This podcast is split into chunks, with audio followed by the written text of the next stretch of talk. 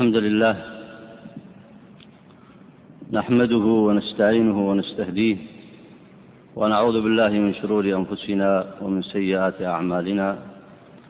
من يهده الله فلا مضل له ومن يضلل فلا هادي له وأشهد أن لا إله إلا الله وحده لا شريك له وأشهد أن محمدا عبده ورسوله. اللهم صل وسلم وبارك على عبدك ورسولك محمد وعلى آله وصحبه وسلم تسليما كثيرا. سبحانك اللهم لا علم لنا إلا ما علمتنا إنك أنت العليم الحكيم. أيها الإخوة الفضلاء السلام عليكم ورحمة الله وبركاته.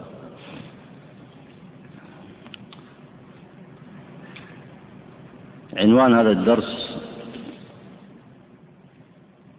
هو المقلد في البدعة. وقد مضى كلام الإمام الشاطبي في كتابه الاعتصام وتكلم عن الزلة تقع من المجتهد ثم تكلم عن الابتداع يقع بسبب الجهل بالشريعة وعدم العلم حتى وإن ظن صاحبه بنفسه أنه من أهل العلم والآن ينتقل إلى ما أسماه بالقسم الثاني وهو المقلد. والفرق بين القسمين أن القسم الأول إما أن يكون الذي وقعت منه الزلة والغلط مجتهد على الحقيقة وعالم بالشريعة وإنما تقع الزلة منه لأنه ليس بمعصوم كما سبق الكلام في ذلك. وإما أن يكون مدعيا للاجتهاد وهو ليس من أهله. أما المقلد فهو الذي لا يدعي الاجتهاد ولا يدعي العلم ولا يدعي المعرفة وإنما هو أشبه بالعامي إذا سألته هل تعرف الأدلة الشرعية؟ قال لا. وإذا سألته هل تعلم مسائل العلم؟ قال لا. وهو مقلد. أي يقلد غيره. هذا الذي سيتكلم عنه المصنف في هذا القسم. والتقليد كما لا يخفاكم مذموم. لأن التقليد كما عرفه أهل العلم كما عرفه الأصوليون هو اتباع قول الغير بغير دليل. اتباع قول الغير بلا دليل. يعني يتبع قول فلان أو قول فلان أو قول فلان بلا دليل. والأصل فيه التحريم. كما هو معلوم في ذم التقليد في القرآن. إن الله ذم الكفار لأنهم لما كفروا احتجوا على كفرهم وصبروا عليه بحجة داحضة مبنية على التقليد. إذا سألتهم عن دليل أو برهان في ترك متابعة النبي عليه الصلاة والسلام لم يأتوا بشيء وهذا سيشير إليه المصنف في هذا الدرس. لم يأتوا بشيء وإنما قالوا بل وجدنا آباءنا على أمة وإنا على آثارهم مقتدون. هذا هو معنى التقليد. وجدنا آباءنا على أمة. طيب ما الدليل عند آبائكم؟ لا يذكرون دليلا. لا يقول وجدنا آباءنا على كذا وحجة آبائنا في الدليل كذا وكذا. ولو أنهم أتوا ببرهان من عند الله على ما يقولون أو ما يدعون. لو جاء إنسان يدعي أو يقول بمسألة ثم أتى ببرهان من عند الله عز وجل قل هاتوا برهانكم إن كنتم صادقين من كتاب أو سنة إذا أتى ببرهان لم يكن مقلدا بل هو مستدل ومحتج بالدليل. وكذلك لو أن الذي قلده قال أنا قلدت فلانا على قوله لأنني أعلم دليله فهذا في الحقيقة لا يسمى مقلد وإنما يسمى متابع للدليل وإنما يسمى متابع للدليل. فأن يقول أنا قلت بهذا الاعتقاد أو قلت بهذا القول لأن العالم الفلاني قال به ولأنه استدل عليه بكذا وكذا من كتاب الله وسنة النبي عليه الصلاة والسلام. فهذا في الحقيقة متابع للدليل الذي قال به ذلك العالم. وأما المقلد الصرف المحض وهو الذي يتبع قول غيره بلا دليل. وقسم العلماء التقليد أيضا إلى نوعين. إما أن يكون جائز عند الضرورة وإما أن يكون غير جائز. فما كان عند الضرورة كأن يقلد العالم غيره. فإذا قلت كيف يكون عالما ويقلد غيره؟ فالجواب أن المسألة تعرض للعالم لكن ليس عنده من الوقت ما يبحث فيه عن الدليل. ثم يسأل غيره فيقول ما رأيك في هذه المسألة؟ ما تقول في هذه المسألة؟ فيقول القول فيها كذا وكذا. فيقلده على ما يقول. وهذا لا يجوز إلا للضرورة بمعنى أنه لا يجد من الوقت ما ينظر فيه في المسألة أو أنه يعجز فله أن يقلد غيره وهو كما تلاحظون استثناء ليس الأصل الأصل ليس هو التقليد الأصل هو اتباع الدليل وإنما استثناء جاز للضرورة. وأما النوع الثاني فهو الممنوع وهو اتباع قول الغير بلا دليل وهو التقليد المذموم. فالمصنف هنا سيتكلم عن المقلد لأن البدعة كما تكون من المبتدع الذي يذكر الشبهة على بدعته ويحاول أن يحتج لها بالمتشابه فكذلك البدعة تقع من المقلد. أما الأول فعرفتم ما فيه في الدرس الماضي.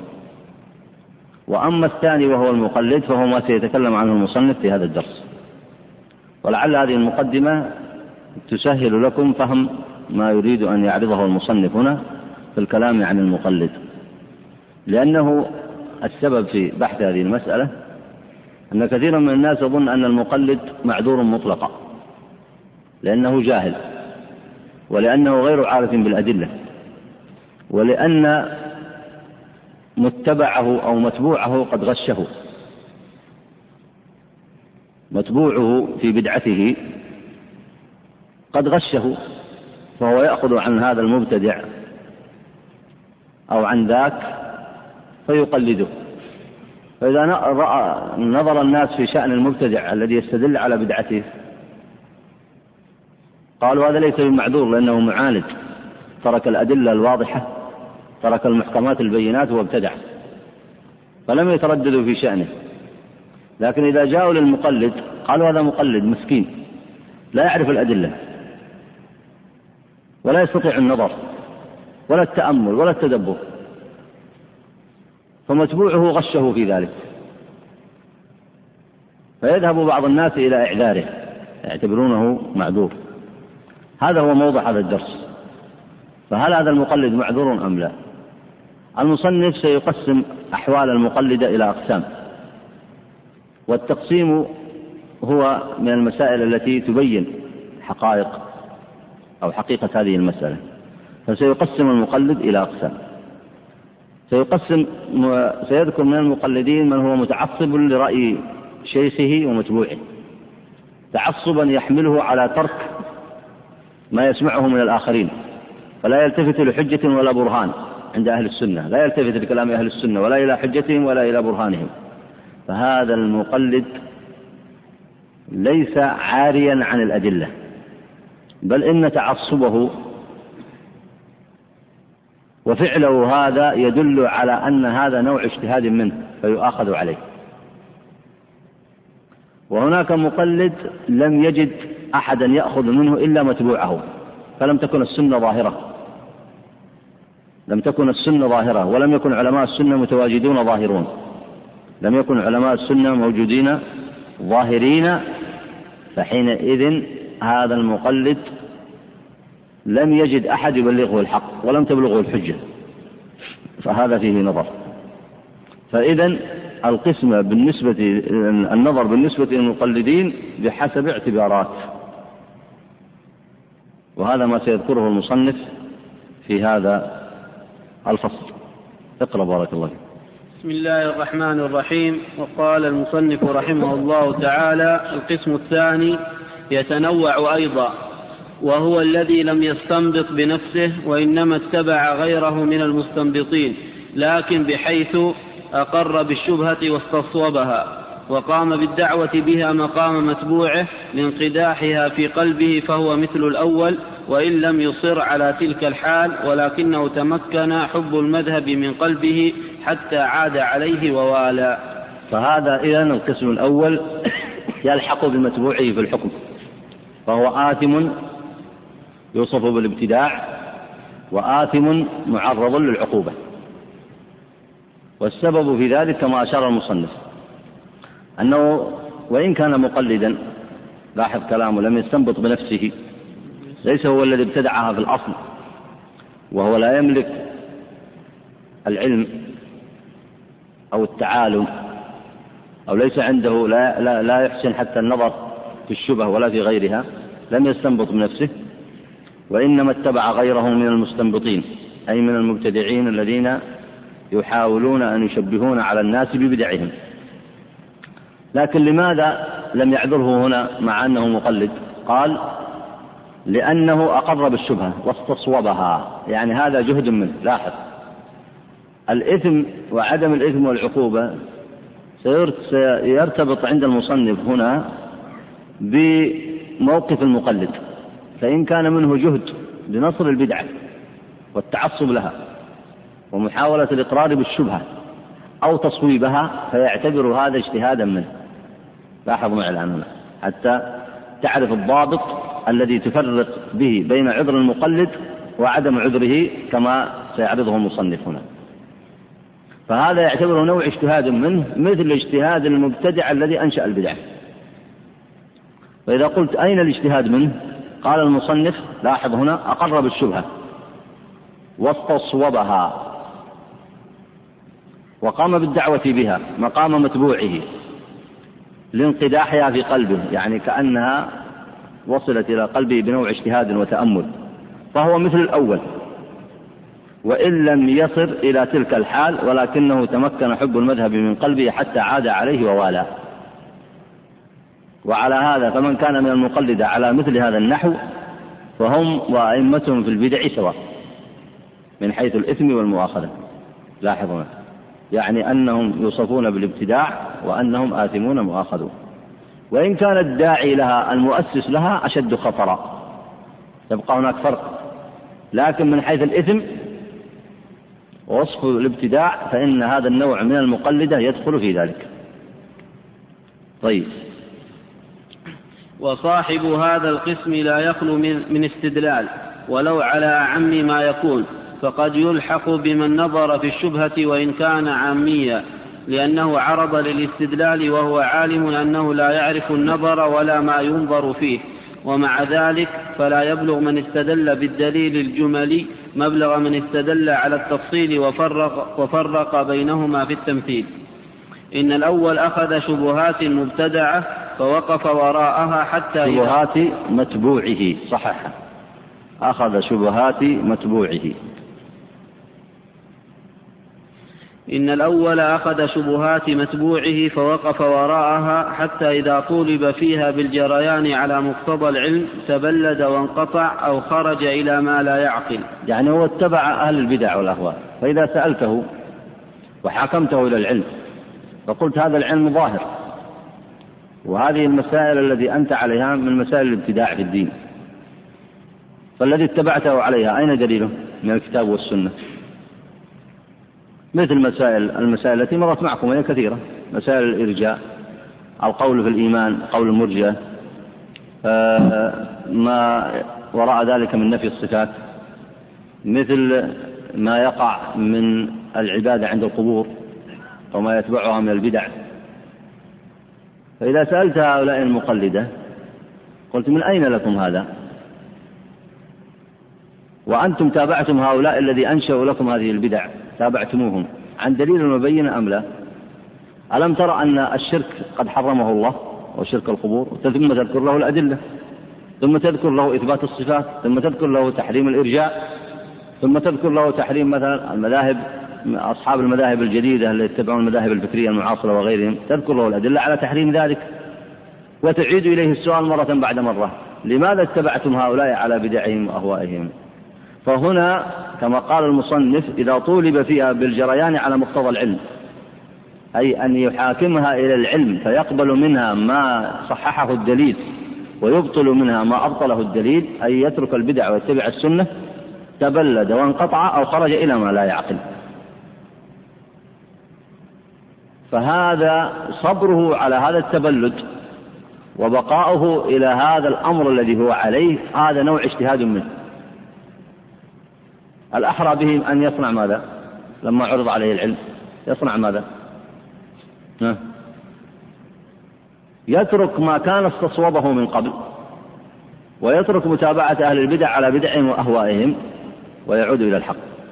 لكنه ما دام بقي على ذلك حتى وإن كان لا يملك الأدلة أصلا ليس عنده أدلة وكذلك لم ينشئ البدعة هو من حيث الأصل ولكن متابعته على ذلك يعتبر نوع اجتهاد منه فيؤاخذ تعتبر نوع اجتهاد منه فيؤاخذ على ذلك. وأعيد ما ذكرته أولا لأنه قد يقع عند كثير من المفكرين أو كثير من المتفقهة فيقول هذا مقلد. هذا في حكم الجاهل لا يعرف شيئا. فكيف يؤاخذ؟ ألم يعذر الله الجاهل؟ فيأتي مثلا كما سيأتي معكم في موضوع أهل الفترة. سيذكر المصنف هذه المسألة هنا ويفصل فيها بعد ذلك. فإن من لم تبلغه الحجة الرسالية معذور. فيقول هذا لا يفهم الحجة ولا يفقه الحجة ولا يعرف الأدلة ولم يتابع البدعة عن دليل فهو مقلد فلماذا لا يكون معذورا؟ فهنا المصنف سيربط المسألة بمسألة الاجتهاد. فالاجتهاد إما أن يكون على سبيل التفصيل.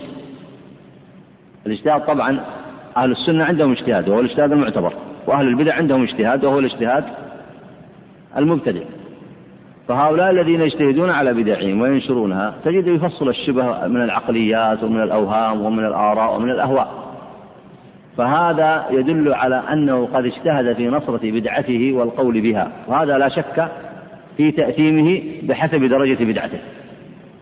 لاحظتم؟ المقلد لم يكن عنده قدرة على الاجتهاد مثل هذا. فالمصنف هنا سيقول لا هو عنده مشاركة في الاجتهاد.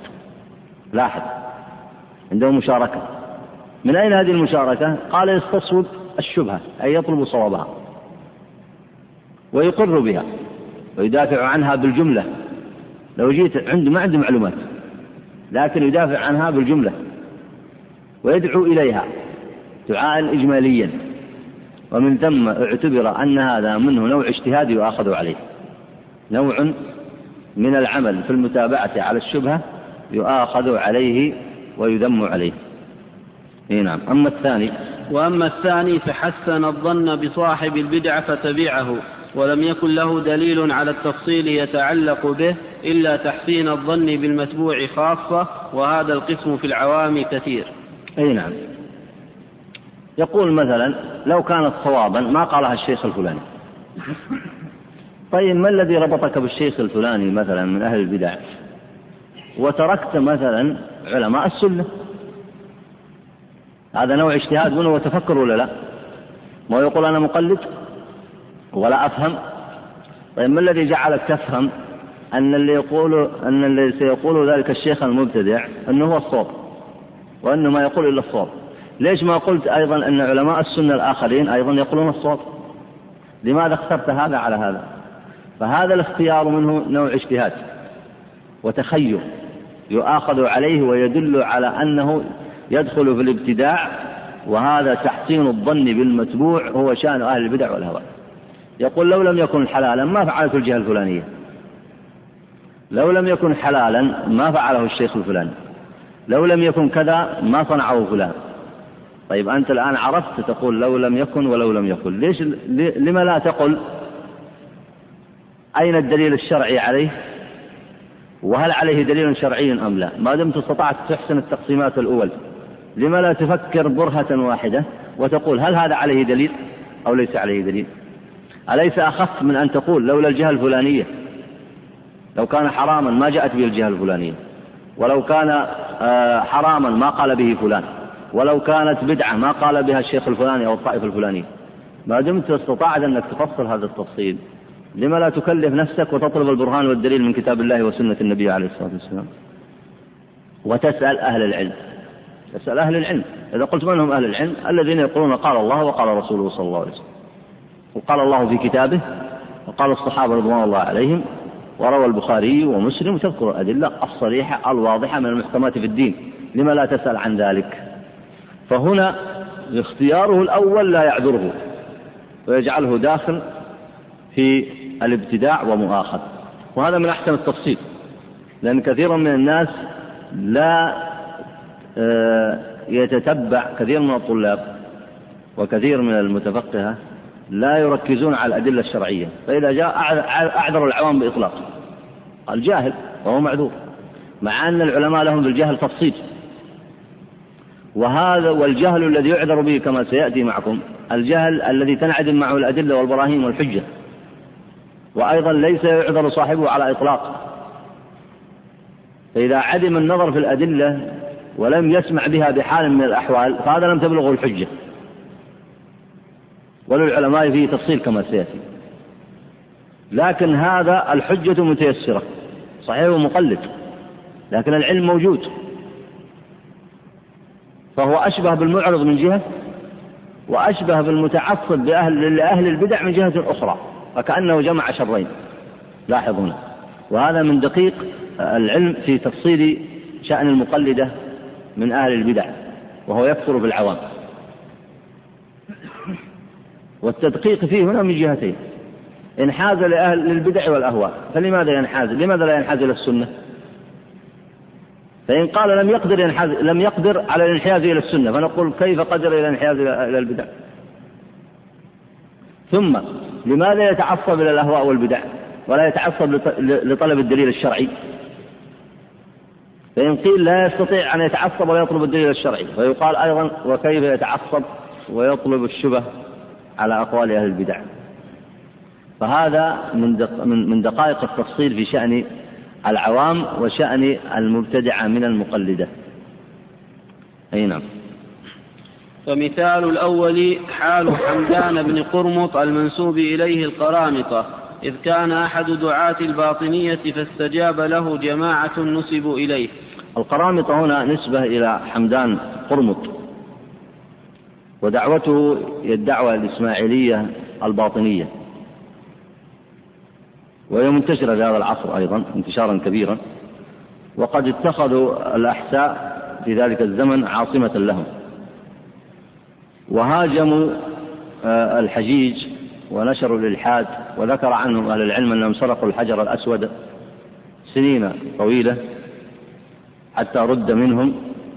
ومذهبهم إبطال الشرائع وأخذ العهود والمواثيق لإمامهم آه الذي يأخذون له العهد والمواثيق من الناس وحقيقة بدعتهم تشبه آه بدعة غلاة الصوفية وغيرهم من غلاة الشيعة وهي أن إمامهم قد حل فيه جزء من الإله وهي شبيهة بعقائد النصرانية الذين يقولون الإله الابن وروح القدس وأن الثلاثة الأقانيم التي هي روح القدس والابن و, وال و... و... إيش؟ والأب هذه الثلاثة في واحد أي حل بعضها في بعض. وأصل هذه البدع الكفرية والشركية هي من أصل دين النصارى. فسيذكر هذا المثال هنا آه ثم يستنبط منه مقصوده. أي نعم. وكان رجلا من أهل الكوفة مائلا إلى الزهد. فصادفه أحد دعاة الباطنية في طريق وهو متجه إلى قريته وبين يديه بقر يسوقه. فقال له حمدان وهو لا يعرفه أراك سافرت عن موضع بعيد فأين مقصدك فذكر موضعا هو قرية حمدان. فقال له حمدان اركب بقرة من هذه البقر لتستريح به من تعب المشي. فلما رآه مائلا إلى الديانة أتاه من ذلك الباب. وقال إني لم أؤمر بذلك. فقال له وكأنك لا تعمل إلا بأمر. فقال نعم. فقال حمدان وبأمر من تعمل. قال بأمر مالكي ومالكك ومن له الدنيا والآخرة. قال ذلك هو رب العالمين. قال صدقت ولكن الله يهب ملكه من يشاء. قال وما بارك الله فيك. هنا بدأ يغرس مذهبه في هذا الرجل. الأول كما ذكر هنا في هذه القصة قال أنه يميل إلى آه، التعبد كما ذكر مائلا إلى الديانة. أتاه من الباب الذي يؤثر فيه. فقال له إني لم أمر بذلك. عندما قال له لم لا تركب هذه البقرة لتستريح؟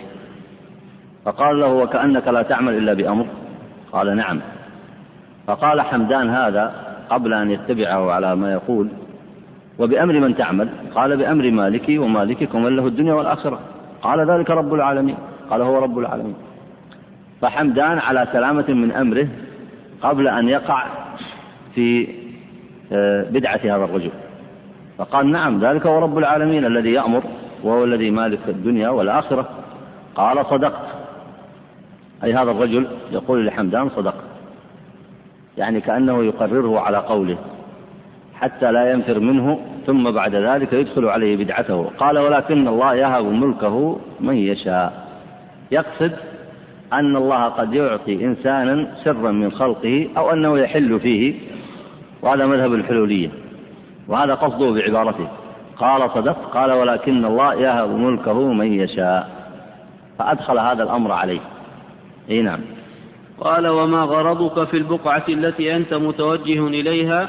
فقال أمرت أن أدعو أهلها من الجهل إلى العلم ومن الضلال إلى الهدى ومن الشقاوة إلى السعادة وأن أستنقذهم من ورطات الذل والفقر وأملكهم بما يستغنون به عن الكد والتعب فقال له حمدان أنقذني أنقذك الله وأفض علي من العلم ما يحييني فما أشد احتياجي لمثل ما ذكرته.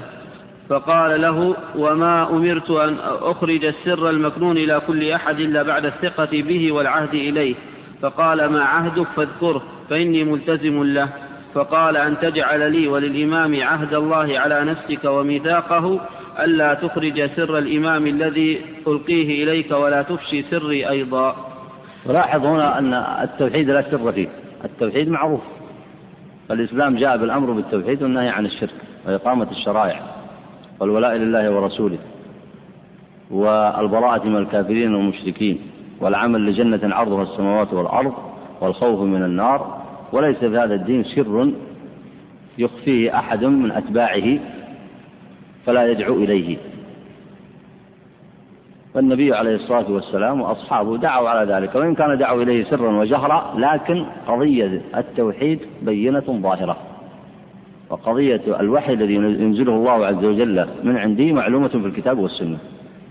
لكن هذا جملة المعتقد كله الذي هنا أمر سر بين حمدان وصاحبه ولذلك اعتبرت هذه الفرقة فرقة باطنية. أي ما عندهم من العقائد الباطنية لا يظهرون من ذلك شيئا إلا لأتباعهم. ولذلك سميت الباطنية لأنه لا حكم للظاهر عندهم أصلا. فإن ما يدعونه من الإسلام إنما هو من النفاق وإلا فإنهم يبطلون الكفر ويبطلون هذه الدعوة الخبيثة التي تتضمن الكفر ونشر الإلحاد. أي نعم. فالتزم حمدان عهده ثم اندفع الداعي في تعليمه فنون جهله حتى استدرجه واستغواه واستجاب له في جميع ما ادعاه. ثم انتدب للدعوة وصار أصلا من أصول هذه البدعة فسمي أتباعه القرامطة. نعم. إي نعم أكمل. ومثال الثاني ما حكاه الله عن الكفار في قوله وإذا قيل لهم تعالوا إلى ما أنزل الله وإلى الرسول قالوا حسبنا ما وجدنا عليه آباءنا. الآية. وقوله وقوله تعالى قل هل يسمعونكم إذ تدعون أو ينفعونكم أو يضرون؟ قالوا نعم. بل.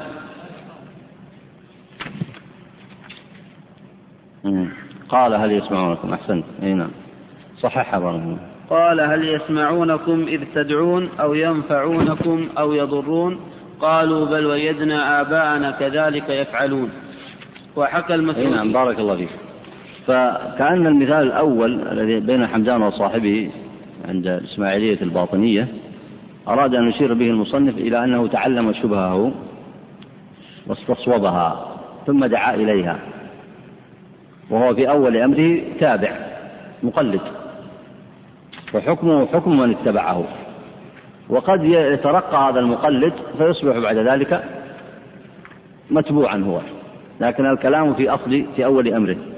أما المثال الثاني وهو تحسين الظن بالمتبوع فقط دون أن ينظر حتى في شبهه الذي عنده أو يتعلمها منه وإنما مجرد التحسين تحسين الظن بالمتبوع فقط. لا لشيء آخر هو ما ذكره عن الكفار في قول الله تعالى وإذا قيل لهم تعالوا إلى ما أنزل الله وإلى الرسول قالوا حسبنا ما وجدنا عليه آباءنا. هل في هذا دليل أو شبهة دليل أو تأويل أو غيره؟ ما قالوا ما صنعناه صواب لأنه كذا وكذا. لكن قالوا حسبنا ما وجدنا عليه آباءنا.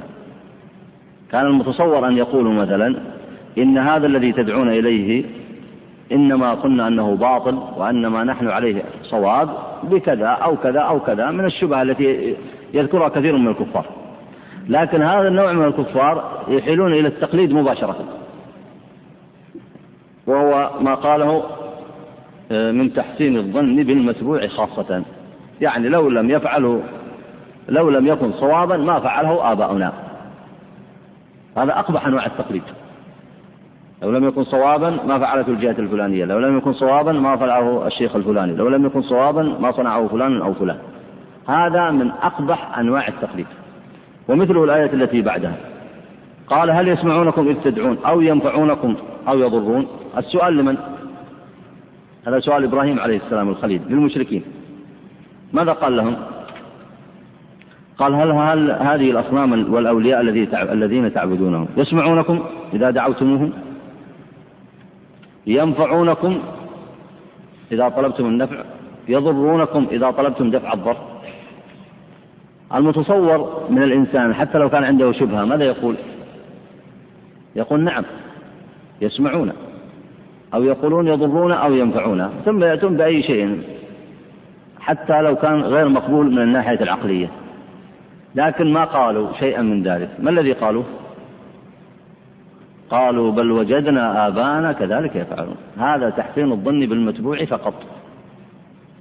وإلا فإن السؤال كان ينتظر أن يقول نعم أو لا. فإن قالوا لا يسمعون ولا يضرون ولا ينفعون قبلوا التوحيد. وقبلوا دعوة إبراهيم.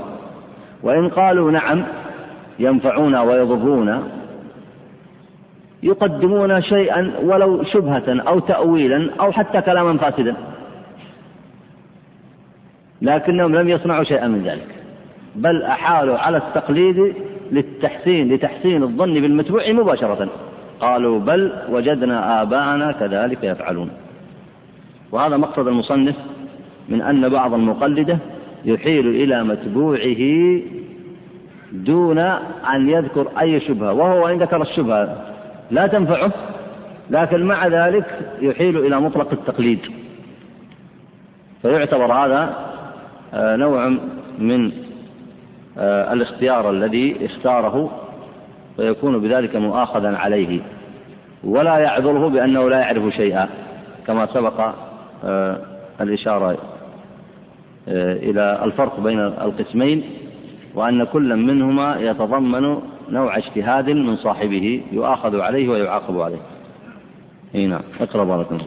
وحكى المسعودي أنه كان في أعلى صعيد مصر رجل من القبط ممن يظهر دين النصرانية وكان يشار إليه بالعلم والفهم فبلغ خبره أحمد بن طولون فاستحضره وسأله عن أشياء كثيرة من جملتها أنه أمر في بعض الأيام وقد أحضر مجلسه بعض أهل النظر يسأله عن الدليل على صحة دين النصرانية فسألوه عن ذلك. بارك الله فيك. المسعودي هو أبو الحسن علي بن الحسين من ذرية ابن مسعود. مشهور بأنه إخباري يجمع الأخبار وكتابه مشهور وهو آه، اسمه مروج الذهب. وكان معتزليا كان معتزليا مات سنة آه، ثلاثمائة وخمس وأربعين. أما آه، ابن طولون وهو أبو العباس أحمد آه، أحمد بن طولون التركي. كان ملكا على مصر. وكان حسن الإسلام آه، طلب العلم وحفظ القرآن وكان بطلا شجاعا جوادا. وكان معظما لشعائر الإسلام. توفي آه، بمصر سنة ثلاثمائة وسبعين للهجرة فلما آه، أحضره مجلسه جاء أحمد بن طولون فأحضر هذا الرجل القبطي النصراني مجلسه سألوه عن صحة دين النصرانية وتأمل المثال أن المصنف سيذكره على أن هذا القبطي النصراني أحال إلى التقليد في متابعة ما كان عليه آباؤه كما هو في المثال السابق. مع أنه يملك معلومات زائدة لكن اطرحها اطرح تلك المعلومات ولم يستفد منها لغلبة التقليد والتعصب عليه. إي نعم، فلما سألوه عن دليله قال: فقال دليلي على صحتها وجودي إياها متناقضة متنافية تدفعها العقول وتنفر منها النفوس لتباينها وتضادها لا نظر يقويها ولا جدل يصححها ولا برهان يعضدها من العقل والحس عند أهل التأمل لها والفحص عنها. ورأيت مع ذلك أمما كثيرة وملوكا عظيمة ذوي معرفة وحسن سياسة وعقول راجحة قد انقادوا إليها وتدينوا بها. مع ما ذكرت من تناقضها في العقل فعلمت أنهم لم يقبلوها ولا تدينوا بها إلا بدلائل شاهدوها وآيات ومعجزات عرفوها أوجب انقيادهم إليها والتدين بها. لاحظ هنا أن المصنف لما ذكر الأمثلة على التقليد نوع. ذكر أمثلة من الفرق وذكر أمثلة من الأديان الأخرى. أي نعم. فقال له السائل وما التضاد الذي فيها؟ فقال وهل يدرك ذلك أو تعلم غايته؟ منها قولهم بأن الثلاثة واحد وأن الواحد ثلاثة ووصفهم للأقانيم والجوهر وهو الثالوثي. وهل الأقانيم في أنفسها قادرة عالمة أم لا؟ وفي اتحاد ربهم القديم بالإنسان المحدث وما جرى في ولادته وصلبه وقتله وهل في التشنيع أكبر وأفحش من إله صلب وبصق في وجهه ووضع على رأسه إكليل الشوك وضرب رأسه بالقضيب وسمرت قدماه ونخس بالأسنة والخشب جنباه وطلب الماء فسقي الخل من بطيخ الحنظل فأمسكوا عن مناظرته لما قد أعطاهم من تناقض مذهبه وفساده. انتهى. يعني الآن النصر القبطي النصراني مقر بتناقض مذهبه وفساده. يعني أنت لا تحتاج أن تذكر له الأدلة على بطلان مذهبه وتدينه بما وقع من تحريف في النصرانية. أنت لست في حاجة أن تقنعه. لأنه عنده الأدلة التي تدل على تناقض هذا المذهب. فإذا شئت أن تسمعها مرة أخرى فهو كما قال هو عن نفسه عن مذهبه قال إن التضاد أي التناقض فيها قولهم بأن الثلاثة واحد وأن الواحد ثلاثة. الذي في التوراة الدعوة إلى التوحيد وتحريم الشرك. فلما وقع الابتداع عند النصارى وأدخلوا الشرك في عقائدهم.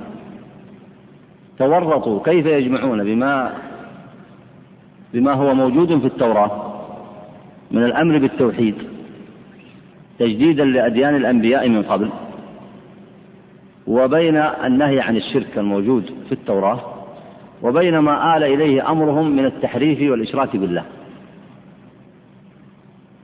كيف يجمعون بين الأمر بالتوحيد وأن الإله هو الواحد؟ وبين قولهم أن الآلهة ثلاثة أو أن عيسى ابن الله أو جزء من الإله. كيف يجمعون بها؟ يجمعون بينها؟ ابتدعوا التثليث والشرك. فأرادوا الجمع بينهما فقالوا الأب والثاني الابن والثالث روح القدس. هذه ثلاثة. قالوا هذه أقانيم ليقولوا بالتعدد ليقولوا بالتعدد. إذا سألتم ما هذه الأقانيم قالوا الأب والابن وروح القدس. وفي نفس الوقت يقولون ترجع إلى جوهر واحد وإلى شيء واحد وهو الإله الواحد والرب الواحد. هذا فيه تناقض وتضاد. كيف يكون الثلاثة واحد؟ كيف تكون الثلاثة؟ واحد الثلاثة ثلاثة والواحد واحد. ومع ذلك جمعوا بين هذه التناقضات. فأصبحت الثلاثة الأقانيم تساوي عندهم الواحد الجوهر. وهذا هو أصل تناقضهم. لكن الذي في أصل كتبهم في التوراة أنه ليس فيها أقانيم وليس فيها الثلاثة المذكورة وإنما فيها ما في القرآن من الأمر بالتوحيد والنهي عن الشرك. ومن تناقضاتهم أيضا وقد سمعتها من رجل نصراني يقول آه الثلاثة هذه عندنا مثل تكون الإنسان جسمه من لحم وعقل وروح وهو مكون من ثلاثة أشياء وفي الحقيقة هو شيء واحد. مع أن هذا المذهب كما ترون واضح فيه القول بالحلول. لأن إذا كان الإبن الأب والإبن وروح القدس يساوي مثلا العقل واللحم والروح اللحم كناية عن الإنسان البشري. إذا كانت التقسيمات الثلاثة هي الثلاثة التي عندهم فهذا هو هو قول الحلول. أو القول بالحلول بأن الله حل في بني آدم. فبني آدم واحد وليس ثلاثة. ومع ذلك يصرون على التناقض ويقولون إن مذهبنا في القول بالثلاثة الذي ترجع إلى واحد هي في حقيقتها مثل الإنسان فإنه مكون من ثلاثة من العقل ومن الروح ومن الجسد. فإذا كان الأمر كذلك بزعمهم الإنسان صحيح مكون من ذلك. لكنه هو الإنسان.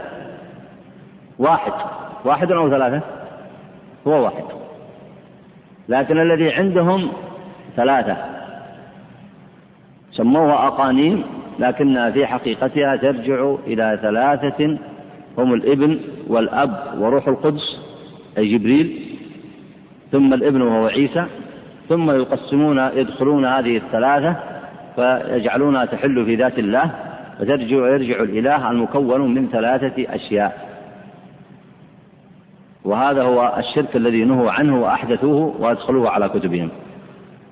المقصد هنا أن هذا النصراني مقر بذلك بل زاد على ذكر تناقض تناقضات أخرى في دين النصرانية منها اتحاد ربهم القديم بالإنسان المحدث اللي هم يسمونه الناسوت واللاهوت. الناسوت الإنسان واللاهوت الإله فاتحد الإنسان في الإله. تعالى الله عما يقولون علوا كبيرا. ثم أيضا من تناقضات مذهبهم ما ذكره هذا القبطي فقال ما جرى في ولادته وصلبه وقتله. فولادته لا بد أن تقع عن ضعف وعجز ودليل أنه مخلوق فكيف يكون إلها؟ هذا تناقض يقول. وأيضا لما صلب وقتل بزعمهم كيف يقتل الإله وكيف يصلب؟ لأن الإله لا يكون إلها إلا إذا كان قديرا قويا عزيزا منيعا. فكيف يكون هذا إلها؟ قال وأشرع من ذلك من إله يصلب ويبصق في وجهه كما في كتبهم كما ذكرت اليهود وغير ذلك. فهذا كله من دليل على تناقض مذهبهم. كان يكفيه هذا للإيمان أم لا؟ لأن يرجع إلى الحق. ومع ذلك ما الذي قال؟ قال مع هذا التناقض الكثير في هذه في هذا المذهب. قال فعلمت أنهم لم يقبلوها ولا تدينوا بها إلا بدلائل شاهدوها وآيات ومعجزات عرفوها. وهذا من أعجب ما يصل به الفكر البشري. يعني أعاد بالاحتجاج بتقليد الآباء. يعني لو لم يكن حقا وصوابا لما كانت عليه الأمم المتكاثرة ولما كان عليه من كان قبلنا ممن هو على ديننا. فهذا محض التقليد. ولذلك المقلد في حقيقته ليس بالضرورة أنه ليس عنده معلومات وليس بالضرورة إلى أنه لا يستطيع أن يفكر. وهذا ممكن تستنبطونه من هذه القصة. وإن كان المصنف هنا لم يشر إليها. ليس بالضرورة أنه ما يكون عنده معلومات. هذا الذي يدعي التقليد أو لا يعرف عنده قدرة على جمع المعلومات ويستطيع أن يناقش ويستطيع أن يبحث عن الدليل ولكنه لا يصنع ذلك ويحيل إلى التقليد لظنه أن التقليد هو من أقرب الحجج التي يستدل بها أو يعتمد عليها وهي من أقبح الشبه التي يعتمد عليها. فهذا صنيع القبطي كقول من كان قبلهم من الكفار بل وجدنا آباءنا كذلك يفعلون. فيقول هنا وجدنا أمما ووجدنا آباءنا ووجدنا قوما قبلنا يقومون بها. طيب لما لا تستدل بالتناقض على بطلان ما هم فيه؟ لماذا تحيل إلى التقليد؟ فإذا ليس كل من مدع التقليد أنه عار عن الجهل أو عا أنه عار عن العلم عفوا أنه عار عن العلم وأنه عار عن الحجة. بل عنده ما يستطيع أن يبحث به عن الحجة بدليل أن هذا النصراني مدرك لهذا التناقضات في هذا المذهب ومع ذلك يصر على اتباعه. فإذا العوام في أصلهم في متابعتهم لأهل الأهواء والبدع ومتابعتهم للشبه لا يظن أن ذلك الذي حملهم هو التقليد المحض. فقط بل قد يكون عندهم معلومات وعندهم أمور أخرى يستطيعون أن يصلون بها إلى الصواب لكن لا يعملون بذلك. ولذلك بعضهم من يدخل في حكم الإعراض عن الحق. وبعضهم من يبني على التقليد المحض والتقليد المحض أيضا ليس بعذر كما أشار إليه المصنف هنا. أي نعم. والشاهد من الحكاية الاعتماد على الشيوخ والآباء من غير برهان ولا دليل ولا شبهة دليل. أي نعم. القسم الثالث يتنوع أيضا وهو الذي قلد غيره على البراءة الأصلية فلا يخلو أن يكون ثم من هو أولى بالتقليد منه. بناء على التسامع الجاري بين الخلق بالنسبة إلى رجوع الجم الغفير إليه في أمور دينهم من عالم وغيره وتعظيمهم له بخلاف الغير. أو لا يكون ثم من هو أولى منه لكن ليس في إقبال الخلق عليه وتعظيمهم له ما يبلغ تلك الرتبة. فإن كان هناك منتصبون فتركهم هذا المقلد وقلد غيرهم فهو آثم إذ لم يرجع إلى من أمر بالرجوع إليه. بل تركه ورضي لنفسه بأخس الصفقتين فهو غير معذور إذ قلد دينه من ليس بعارف بالدين في حكم الظاهر فعمل بالبدعة وهو يظن أنه على الصراط المستقيم. وهذا حال من بعث فيهم رسول الله صلى الله عليه وسلم فإنهم تركوا دينه الحق ورجعوا إلى باطل آبائهم ولم ينظروا نظر المستبصر حتى يفرقوا بين الطريقين. وغطى الهوى على عقولهم دون أن يبصروا الطريق فكذلك أهل هذا النوع. وقلما تجد من هذه صفته إلا وهو يوالي فيما ارتكب ويعادي بمجرد التقليد. بارك الله فيك. هذا التفصيل ذكره المصنف هنا يعني الأقرب والأسهل لأنه ذكر هنا قياسه على من بعث فيهم رسول الله صلى الله عليه وسلم. فيقول تركوا النظر في الحجج والبراهين التي جاء بها الرسول عليه الصلاة والسلام. واعتمدوا على تقليد آبائهم فيما كانوا عليه. وهذا ما دام قاس على هذا الأمر كان الأولى أن يقول مثلا في التقسيمات السابقة والأقرب أن يقول هذا المقلد إن كان هناك عالم بالسنة يظهر الاستدلال بالأدلة من الكتاب والسنة. فتركه وترك التعلم من أهل السنة ولا يخلو عصر من قائم لله بحجة فإنه إذا ترك ذلك فإنه غير معذور. فالذين مثلا يتبعون مشايخ البدع والضلالة من المقلدة لكثير من الطوائف أو حتى من المذاهب الكفرية المعاصرة المذاهب الوضعية ويتابعون عليها. هؤلاء يسألون ويقال أليست السنة ظاهرة؟ أليس علماء السنة موجودون في كل مكان؟ فلماذا لا يأخذون عنهم؟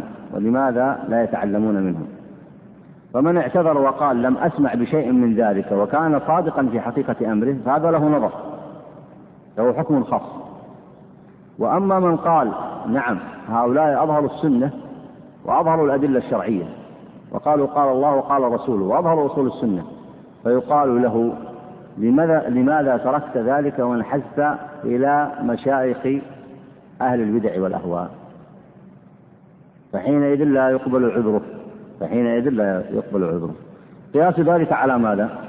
على الذين جاءهم النبي عليه الصلاة والسلام. هذه هي السنة. لأن ورثة, ورثة النبي عليه الصلاة والسلام هم أهل السنة. فالقياس من هذا الوجه. الكفار الذي في الفترة جاءهم النبي عليه الصلاة والسلام قبل الفترة لم يأتهم رسول. فلا يعذبون إلا بعد بلاغ الحجة كما سيأتي معكم. وكما دلت عليه الأحاديث الصحيحة. لكن بعدما جاء الرسول ظهرت السنة أو لا؟ ظهرت الشريعة وظهر التوحيد. وعلم أن هنا قوم يدعون أن الحق معهم. وأن هنا رجل يدعي أن الحق معه. من هو؟ هو النبي محمد صلى الله عليه وسلم. وقوم يتبعون ويدعون أن الحق معهم. فهؤلاء الذين تركوا السماع لهؤلاء والنظر فيما يقوله الرسول ومن معه تركوه ولم يسمعوا ولم يتأملوا ولم يتدبروا وأحالوا على ما كان عند آبائهم وأجدادهم وادعوا أنهم أن أن آبائهم وأجدادهم أولى بالاتباع فهؤلاء بنوا على التقليد المحض والتقليد حينئذ ليس عذر بل التقليد حينئذ جريمة. وهذا هو التقليد المذموم المحرم. ومن هنا لا يقبل لهم عذر. لا يقبل لهم عذر. فكذلك المقلد بعد ذلك من أتباع أهل الأهواء والبدع. فيقال يطبق عليهم نفس القياس. يطبق عليهم نفس هذا الأمر. فيقال لهم ألم تسمعوا بالسنة؟ ألم تسمعوا بأصول السنة؟ ألم تسمعوا بأناس يدعون ويزعمون أن الحق معهم؟ وأنهم يذكرون الكتاب الأدلة من الكتاب والسنة؟ يقول لا سمعنا. سمعنا قوم يقول أنهم من أهل السنة وأنهم يدعون ذلك. فيقال لهم لم لا تسمعون منهم؟ لم لم تتأملوا فيما قالوا؟ قالوا نحن وجدنا مشايخنا ومن معنا فهم أولى. هذا العذر لا ينفعهم. بل هذا هو التقليد المذموم. كان عليهم أن يسمعوا ثم يقارنوا بين ما يسمعونه من الحجة والبرهان في نصر السنة وبين ما هم عليه مما ورثوه. ولو سمعوا لهداهم الله وشرح صدورهم بسبب آه، سعيهم لمعرفة الحق وتعلمه. لكنهم لما لم يسمعوا ذلك فإن دعواهم التقليد لمن اتبعوهم ليس بعذر.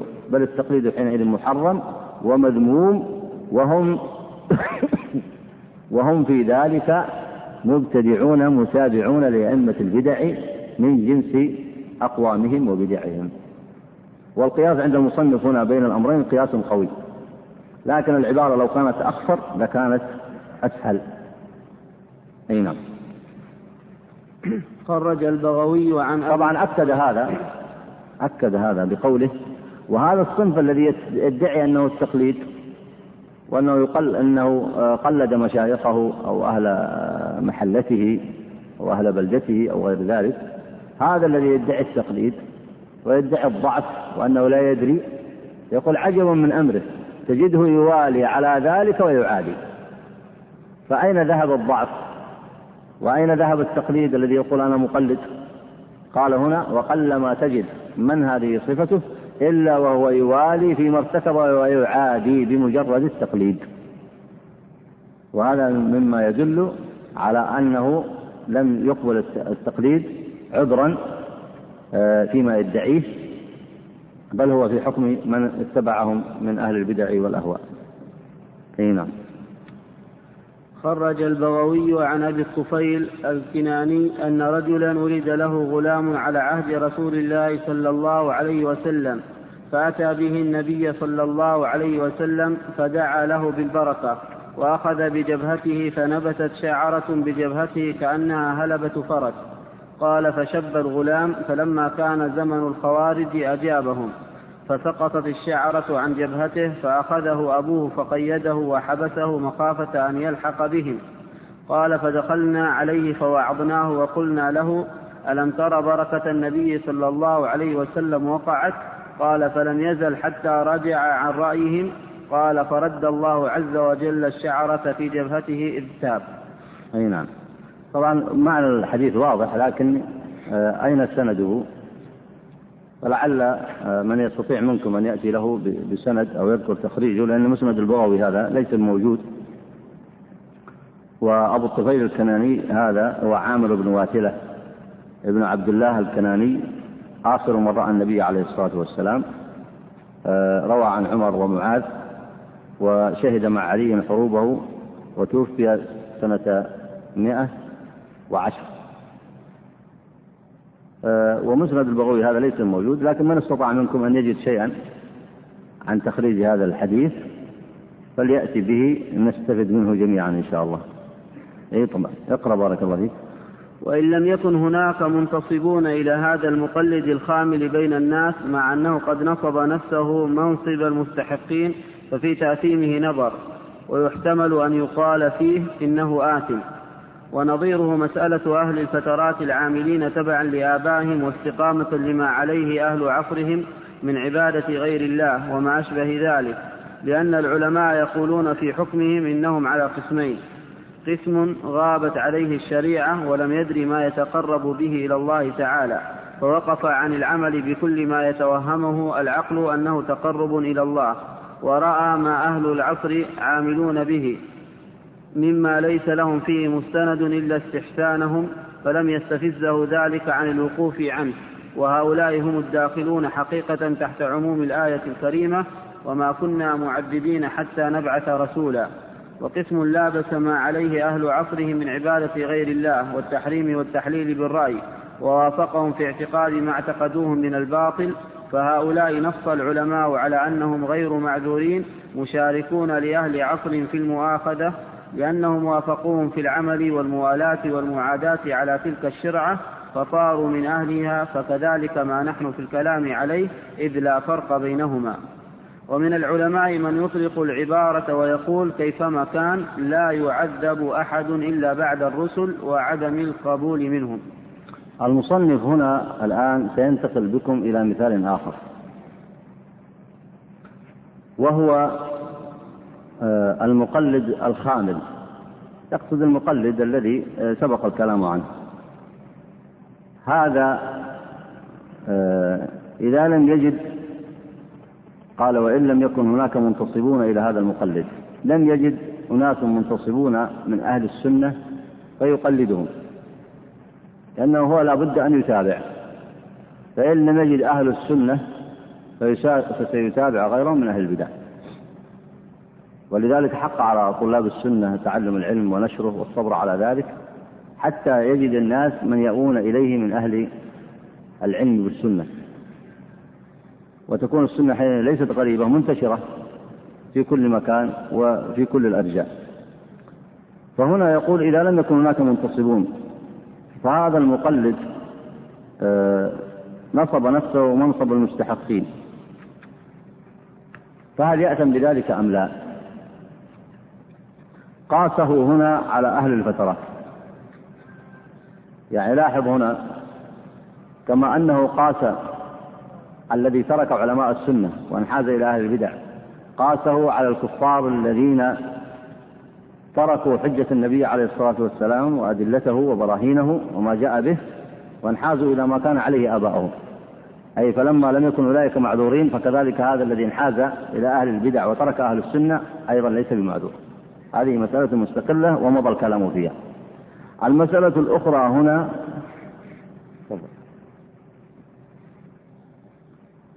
آه، المسألة الثانية هذه وهي المقلد لا يجد أحدا آه، يعرف الحق منه ويكون في منطقة مثلا أهل السنة فيها آه، ليس فيها أحد من أهل السنة يظهر الحق. فهذا سيقيسه المصنف على النظر في حكم أهل الفترة.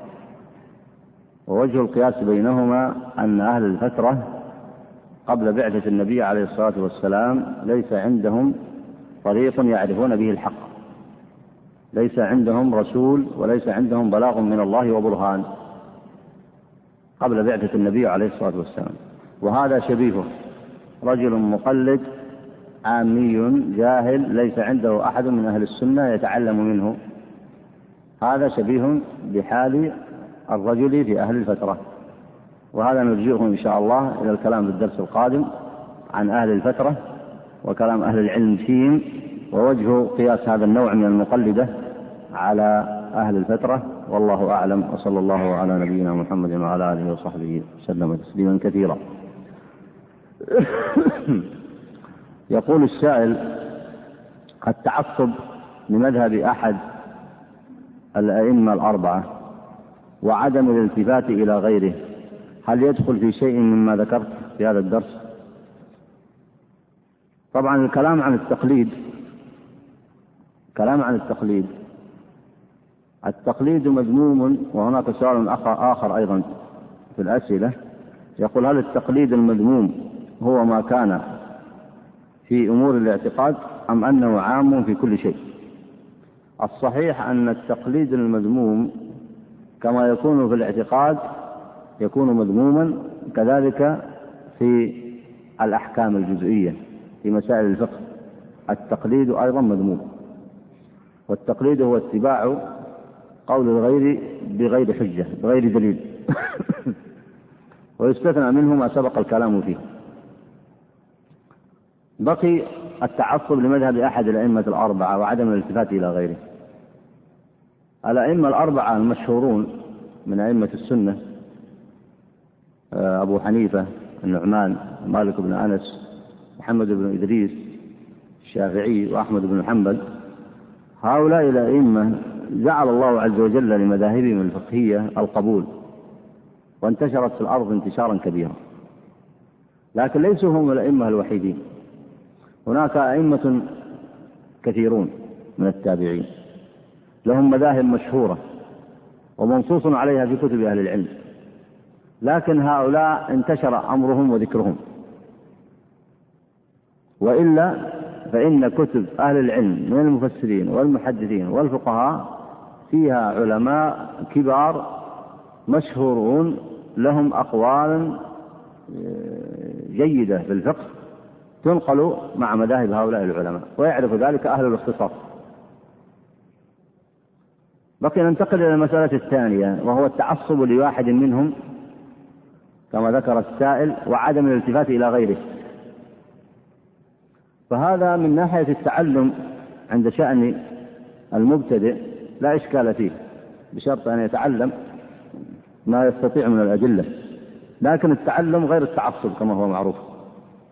والسائل يسأل عن التعصب. ويشبه ذلك قول أحد أتباع الأئمة وأظنه من الحنفية قال كل قول يخالف قول إمامنا فهو أو كل آية أو حديث تخالف قول إمامنا فهي إما مؤولة أو منسوخة. وهذا ادعاء للعصمة مع أن الأئمة لم يدعي أحد منهم ذلك في نفسه. فإنه قد ذكر عنهم العلامة الألباني في كتابه آه، صفة صلاة النبي عليه الصلاة والسلام ذكر عنهم بالأسانيد الصحيحة إليهم وإلى كتبهم أن كل واحد منهم قال إذا صح الحديث فهو مذهبي.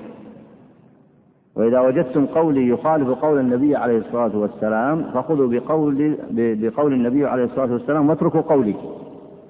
ومنهم أيضا من قال إياكم أن تأخذوا بقولي حتى تعرفوا من أين أخذت هذا القول. أي ما هو دليلي عليه. لكن التعصب نشأ في أتباعهم من بعدهم وخاصة عند المتأخرين في القرون المتأخرة. فهذا التعصب والتقليد مذموم.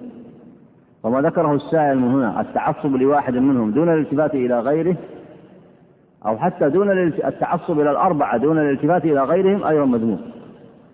مثاله لو ادعى إنسان هذا ينبغي أن يتنبه على طلاب العلم أن الأئمة الأربعة أجمعوا على كذا. وفعلا يثبت أن الأئمة الأربعة أجمعوا على هذه المسألة. ثم جاء إمام معتبر سواء في عهدهم أو بعدهم فخالفهم. فهل يعتبر مخالفا للإجماع أو مخالفا للأربعة؟ ما الجواب؟ مخالف للأربعة وليس مخالفا للإجماع. وقد يكون الصواب معه. وقد يكون الصواب معه. ولم لا؟ إذا كان دليله هو الدليل الصحيح. فلاحظ معي هنا أن التعصب لواحد منهم تعصب مذموم. بل التعصب لهم الأربعة دون غيرهم من العلماء المشهورين المعروفين من التابعين ومن بعدهم أيضا مذموم. فما هو فماذا يصنع طالب العلم؟ وكيف تربى الأمة؟ رب الأمة أن المقلد الإنسان يتبع من شاء من هؤلاء الأئمة ويقلده بحسب حاله بحسب منطقته التي هو فيها لا يكلف الله نفسا إلا وسعها. لكن إذا علم أن هذا القول أو أن هذه المسألة عند هذا الإمام مخالفة للدليل الصريح وعلم ذلك فلا يجوز له اتباعه. لا يجوز. والإمام في قوله الأول معذور لأنه ذلك هو اجتهاده كما قال النبي عليه الصلاة والسلام إذا اجتهد الحاكم فأصاب ثم أصاب فله أجران وإذا اجتهد ثم أخطأ فله أجر. فالإمام معذور لكن أنت لست معذور في متابعته على الدليل الذي ليس بصحيح. وعلى هذا فالتعصب لواحد منهم دون الالتفات إلى الأدلة الصحيحة عند غيره هو من التعصب المذموم. إي نعم. فإذا العبرة ترك التعصب وترك التقليد المذموم وهذا هو الواجب على المسلمين ثم اتباع الدليل الشرعي وتكريم هؤلاء الأئمة وولاؤهم ونصرتهم ومحبتهم وأخذ العلم منهم ويبقى أن كل واحد ليس بمعصوم وأن إذا اتضح الدليل الشرعي فهو الحجة على كل إنسان كائنا من كان. آه، يقول هنا العالم الذي يقلد غيره هل نقول إنه مقلد أم هو متبع لأنه يأخذ كلام العالم الآخر بدليله فهو متبع للدليل؟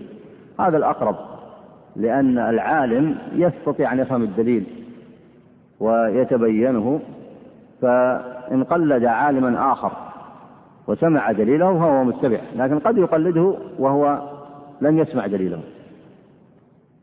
وعلى أي حال يجوز آه، للعالم أن يقلد غيره إذا احتاج لذلك إذا احتاج لذلك. فمثلا عمر رضي الله عنه كان يستظهر بقول أبي بكر وكان يرسل قضاته قضاته في الأمصار وأحدهم يقلد الآخر إذا لم يتسع الوقت للنظر في المسألة. هذا جائز لا شيء فيه. لكن هو مستثنى من أصل التقليد. وإلا فإن التقليد في الأصل كما علمتم ممنوع. أي نعم. يقول هنا قيل عن أحمد بن طولون أنه ظالم يقتل العلماء فقتل أبو الحسن الزاهد. هل هذا صحيح؟ الله أعلم. الذي ذكرته لكم في ترجمته نقلت آه، ممن ذكر ترجمته من آه، العلماء. وأما هذا لم أطلع عليه والعبرة بما ورد من آه، مما ذكر في ترجمته. وأما ما قد ينسب في بعض الأحيان إلى بعض الناس فهو معلوم أنه قد ينسب إليه شيئا ليس بصحيح أو قد ينسب إليه شيئا ظلما وكذبا. فالله أعلم. يقول هنا لو أن بعض أهل العلم أولوا آه، في باب الأسماء والصفات عن اجتهاد. ولم تكن السنة عندهم ظاهرة. فهل يعذرون في ذلك أم لا؟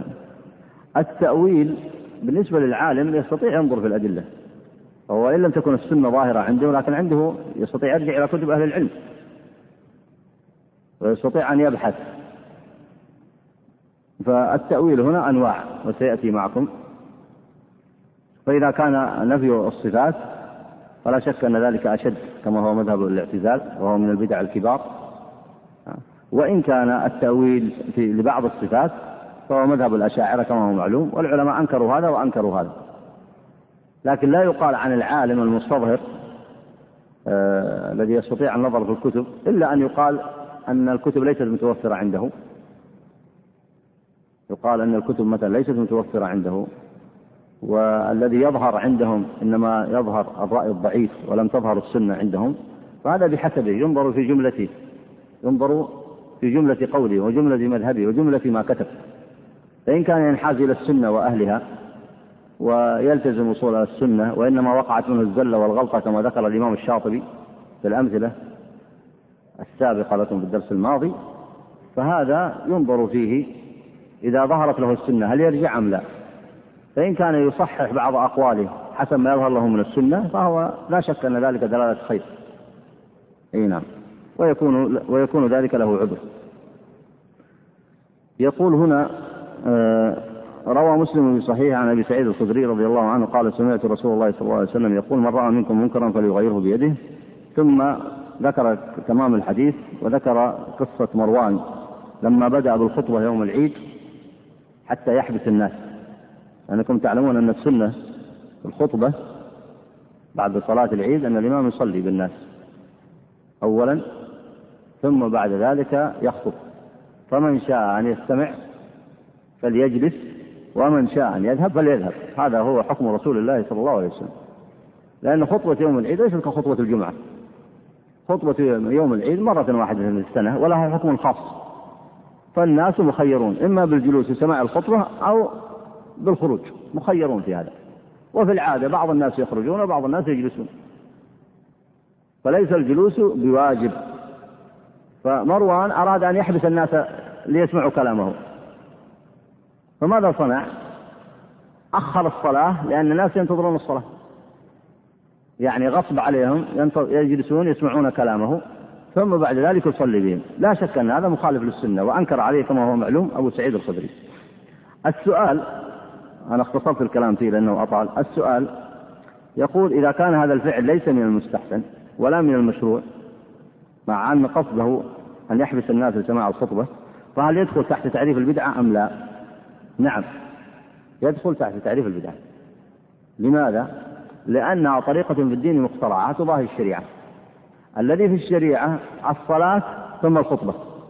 وقد قام النبي صلى الله عليه وسلم وهو أحب الناس إلى أصحابه فقال من شاء منكم أن يجلس فليجلس ومن شاء أن يذهب فليذهب. هذه هي السنة. فإذا بدل وقدم الخطبة على صلاة العيد فقد ابتدع فهي بدعة بلا ريب لأنها حينئذ طريقة في الدين مخترعة تضاهي الشريعة. الشريعة تقديم الصلاة ثم الخطبة. والبدعة تقديم الخطبة وتأخير الصلاة. هذا يسأل يقول آه، كيف التوفيق بين الآيتين في قول الله تعالى وقفوهم إنهم مسؤولون والآية الثانية فيومئذ لا يسأل عن ذنبه إنس ولا جان. هذا ذكر أهل التفسير أن السؤال له مواقف والسؤال أنواع. ذكره ابن عباس وغيره. السؤال إما أن يكون سؤال استفهام واستخبار أو يكون سؤال آه توبيخ. ثم أن في بعض الأماكن في يوم القيامة هناك أوقات بالسؤال والحساب والمناقشة. وهناك وقت والعياذ بالله للعذاب والشدة لا يسأل أحد عنه لا يسأل أحد شيئا. هذا هو المقصد من هذه السياقات. وإن كان بعض المبتدعة أشكل عليهم هذا المعنى. وبعضهم لا يكون من أهل الابتداع وإنما يكون طالبا يسأل إنما يكون طالب للصواب يسأل عنه. قال الشنقيطي في دفع إيهام الاضطراب عن آيات الكتاب قال السؤال هنا على ثلاثة أوجه. الأول سؤال توبيخ وتقريع وهذا أغلب ما يكون يقدم بحرف لما. وسؤال استخبار واستعلام وأداؤه غالبا آه، بهل. فالمثبت هنا في السؤال في بعض الآيات إذا ورد إثبات السؤال فهو سؤال التوبيخ والتقريع. والمنفي هو سؤال الاستخبار والاستعلام. ووجه دلالة القرآن على هذا أن سؤاله لهم المنصوص كله توبيخ وتقريع مثل قول الله تعالى وقفوهم إنهم مسؤولون ما لكم لا تناصرون. وهو يسألهم لماذا لا تتناصرون؟ وهم طبعا لا يستطيعون المناصرة لأنهم كل منهم يأتي الله فردا وتعرض عليه أعماله يوم القيامة لا ينصره أحد من دون الله. فالسؤال هنا ما لكم لا تناصرون لا لكي يجيبوا وإنما هو سؤال آه، توبيخ وتقريع وقوله أفسحر هذا أم أنتم لا تبصرون؟ كذلك. وسؤال الله للرسل ماذا أجبتم لتوبيخ الذين كذبوهم؟ مثل سؤال الموؤودة بأي ذنب قتلت هي توبيخ لقاتلها. وإلا ليس هناك جواب الجواب معروف أنها قتلت بغير ذنب. ثم الأمر الثاني أن في القيامة مواقف متعددة. ففي بعضها يسألون وفي بعضها لا يسألون. في بعضها يسألون حتى يحاسبوا. لأن الحساب على السؤال يسأل عن ذنبه. وفي بعضها لا يسألون لشدة العذاب وشدة الهول. وبهذه الصورة تستطيع أن تفهم الآيات التي ترد في بعض الأحيان وقفوهم إنهم مسؤولون. وفي بعض الأحيان يومئذ لا يسأل عن ذنبه إنس ولا جان. تستطيع أن تفهم هذا وليس بينهما آه، اضطراب وليس بينهما آه، تعارض. ومثله قول الله تعالى هذا يوم لا ينطقون ولا يؤذن لهم فيعتذرون. هذا في حال في بعض عرصات القيامة. لا ينطقون ولا يؤذن لهم فيعتذرون. وفي بعض الأحوال يسألون فيجيبون. ومنه قول الله تعالى فوربك لنسألنهم أجمعين عما كانوا يعملون. وكل هذه تنظر في السياقات وفي تعدد أماكن السؤال وفي أحوال الناس يوم القيامة. نكتفي بهذا المقدار ونسأل الله عز وجل السلام لنا ولكم ونستغفر الله ونتوب إليه ونصلي ونسلم على نبينا محمد وعلى آله وصحبه أجمعين.